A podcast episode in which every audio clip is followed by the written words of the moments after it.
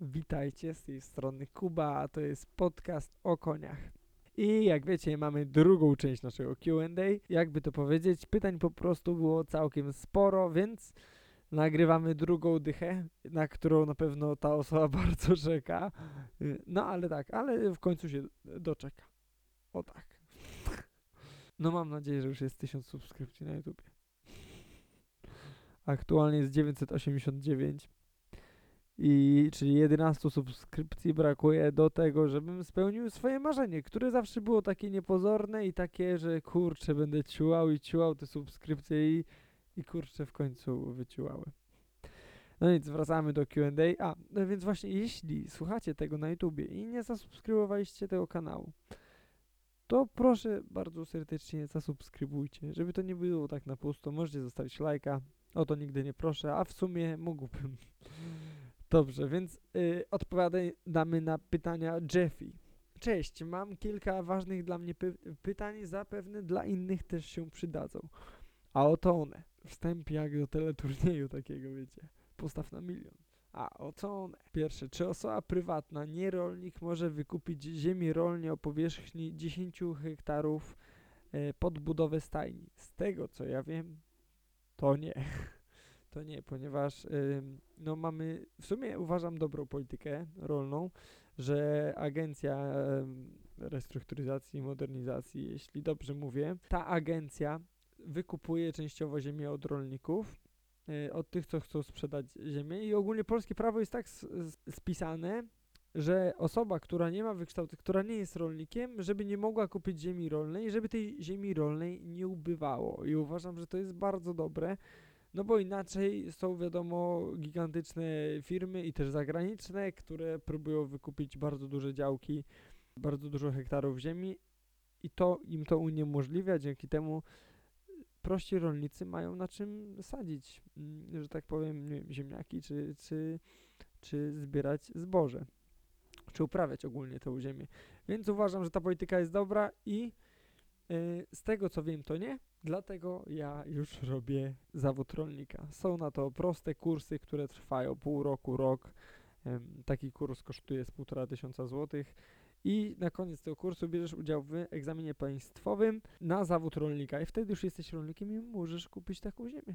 Jakie ziemię pod budowę ośrodka wybierać? Nie znam się. Nie wiem, no wiadomo, że im wyższa klasa ziemi, tym lepiej, no bo, bo będziesz miała lepsze łąki, lepsze, lepszą lepszą trawę, no ale tak na dobrą sprawę to byleby po prostu tam coś urosło na tej ziemi, żebyś miała tą trawę, nie? Czyli czwarta klasa, myślę, że nawet też spokojnie, czy tam piąta, wystarczy ziemi. No gorsze klasy to już pewnie będzie dużo ciężej o to, żeby mieć y, fajne pastwiska. No ale im lepsza ziemia, tym lepsze pastwiska i bardziej tym bym się sugerował, bo prawdopodobnie wybudować można wszędzie. Szczególnie jak kupujesz, chyba jest takie prawo, że jeśli kupujesz większą ilość ziemi, to masz prawo y, wygospodarować sobie na tym miejscu, gdzieś tam dogadać się z gminą, że gdzieś tam wybudujesz swój dom po prostu pośród tych ziem. Na pewno tak było, nie wiem czy tak jest. Jak odrolnić ziemię, ile to kosztuje, kto może to zrobić i ile czasu to zajmuje? Nigdy tego nie robiłem, więc szczerze mówiąc, nie mam pojęcia. Na pewno teraz jest coraz ciężej odrolnić ziemię. No chyba, że to jest. Znaczy, no chyba, że to jest właśnie, jeśli to jest pewnie do czwartej klasy, to bardzo ciężko odrolnić, bo to są ziemie, na których się normalnie uprawia zboże. Mm, Jeśli to są gorsze ziemie, to być może prościej. Jaka jest minimalna powierzchnia ziemi pod padok pastwisko dla 16 koni? Dla 16 koni jest chyba taki przelicznik, że mniej więcej pół hektara musi być na konia. Czyli 8 hektarów to by było super. Na pastwisko myślę, że dla 16 koni to na, na 3 hektarach na pewno już byś sobie poradziła. Plany, y, tylko trzeba było po prostu pogrodzić te 3 hektary i raz tu, raz tu, raz tu, raz tu i no tak po prostu trzeba sobie jakoś radzić. Planowany ośrodek będzie miał mieć miejsce dla 96 koni, więc pastwiska będą podzielone na 4. W nawiasie 3 padoki dla koni ośrodka i jeden padok dla koni pensjonatowych. Ogólnie bym powiedział, że powinna być na odwrót ta, ym, że dla koni ośrodka jeden padok, a dla koni pensjonatowych trzy. Bo uwierz mi, że pensjonariusze są ludźmi, którzy wymagają. To nie wiem ile będzie koni pensjonatowych, bo tego mi nie napisałaś, a to jest bardzo ważne. No bo jeśli będzie tak jak tutaj 3 do 1, no to ja bym dał chociaż 2 na 2. Te podoki, dwa podoki dla koni ośrodka, dwa podoki dla koni pensjonatowych, po to, żeby ta trawa była zawsze na tym padoku i żeby nikt się tam nie burzył na ciebie. W jaki sposób oszczędzać pieniądze przy prowadzeniu ośrodka? Na sianokosach. Najdroższe w tym wszystkim jest siano. I w jaki sposób oszczędzać pieniądze? Kupić traktor. To nie jest nic trudnego. Kupić traktor za 10 tysięcy, kupić czy tam za 15, kupić maszyny, jedna maszyna kosiarka za 2000, nie wiem, zgrabiarka za 1000, załatwić, yy, poszukać kogoś, kto prasuje, ma prasę w okolicy i niech ci prasuje siano. I to jest naj, największa, że tak powiem, oszczędność. Bo zamiast kupować i wydawać na to, no chyba, że już masz właśnie tak dużo koni, to być może to się już po prostu wszystko roz, rozkłada, ale, ale myślę, że, no bo nie wiem ile, ile byś miała też tej ziemi, żeby, żeby ją kosić. Bo na 96 koni to już potrzebujesz taki areał, y, żeby tych łąk, że obawiam się, że to będzie, to może się już tak y, nie kalkulować, bo tyle ile ty wyprodukujesz, to nie wiem, to będzie nie wiem, z 200 balotów, 300, a musisz wyprodukować ze 2000 minimum. W jaki sposób oszczędzać pieniądze przy prowadzeniu ośrodka? E, tak, to już na to odpowiedziałem. W jaki sposób zdobyć klientów?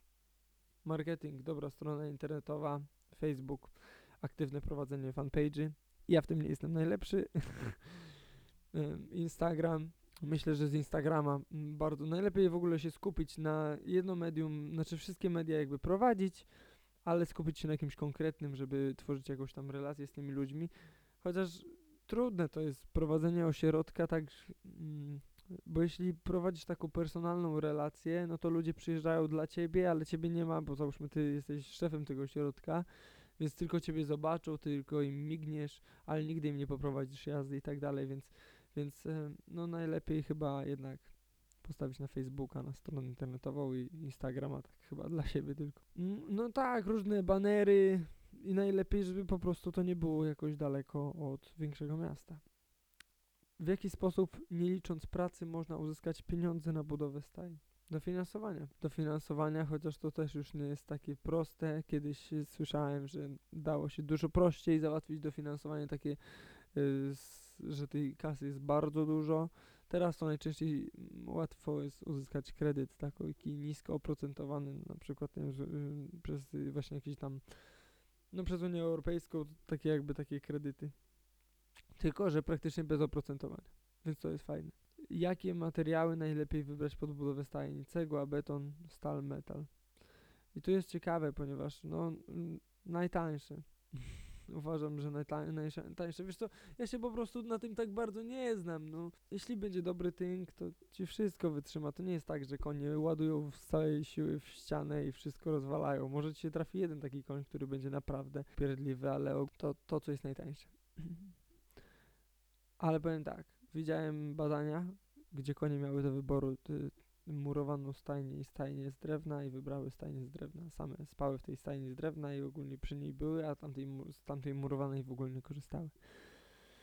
Jedna stajnia będzie liczyć miejsce dla 24 koni, więc ważne jest, aby koszt budowy były tanie, a materiały wytrzymałe i wydajne. Nie wiem, chyba najlepiej z pustaka, najtaniej, nie wiem, jakieś, znajdźcie jakieś najtańsze cegły i po prostu z tego rób, ale chyba pustak jest najtańszy.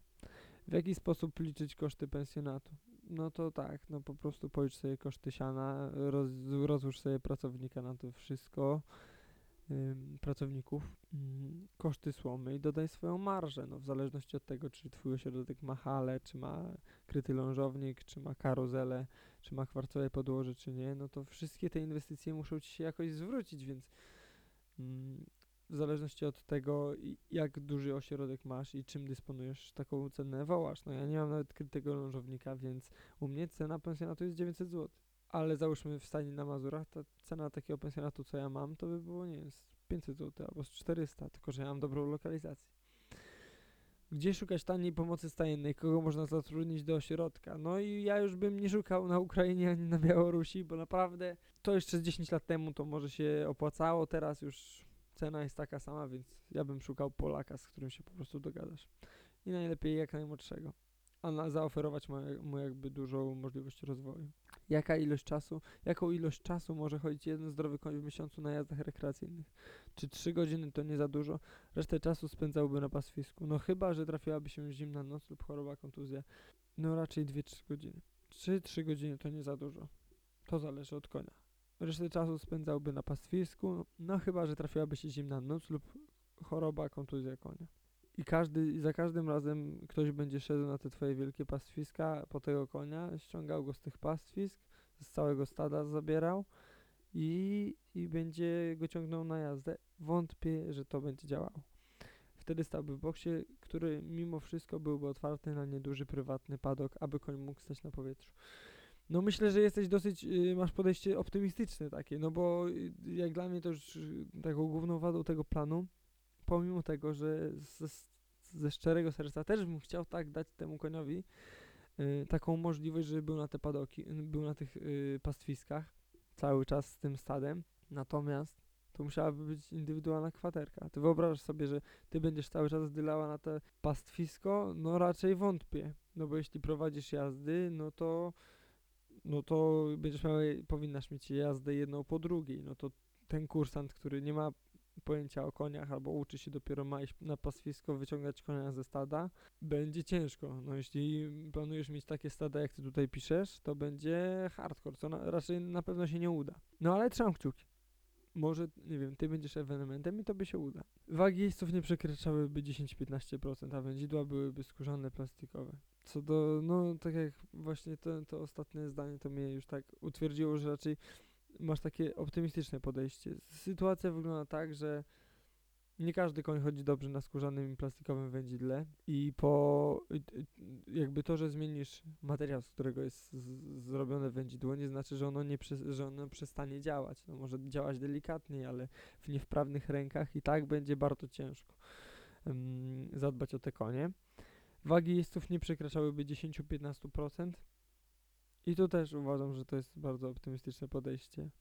Bo co będzie, jak będziesz miała konia, na którego, nie wiem, 150 cm w kłębie, jakiejś takiej mocniejszej budowy, na którego wszyscy się będą kwalifikowali. No i nie wiem, no, a będziesz miała jeszcze większe konie, na które już tamte osoby raczej tak średnio, łatwo się mówi przed posiadaniem stajni, że wagi jeźdźców nie przekraczałyby 10-15%, a potem przychodzą ci, masz konia, który ma 150 cm w kłębie, a przychodzą ci sami, nie wiem, goście, którzy mają 1,90 m i nie wiem, i ważą 90 kg.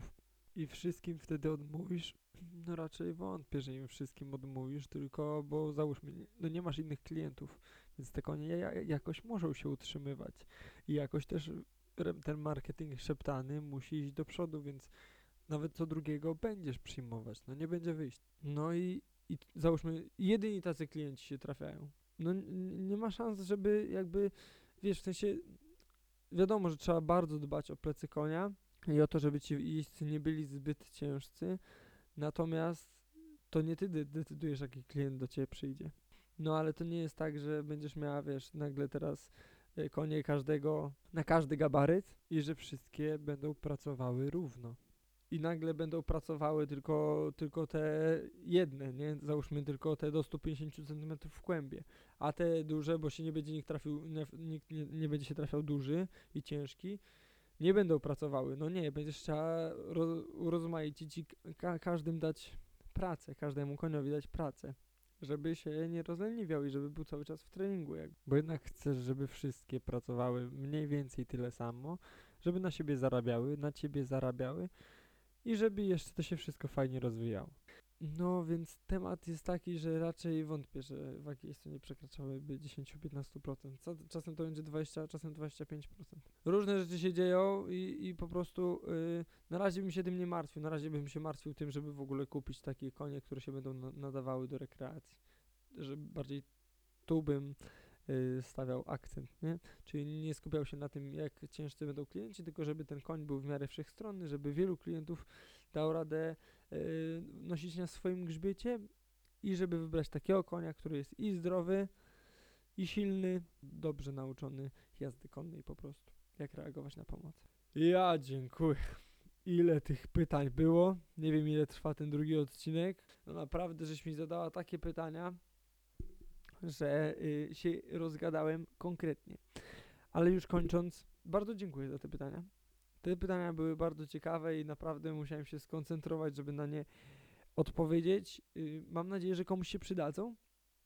Pamiętajcie, żeby subskrybować mój kanał na YouTubie, żeby obserwować i subskrybować te platformy streamingowe, na których słuchacie tego podcastu. I zapraszam na kolejny podcast. Do usłyszenia.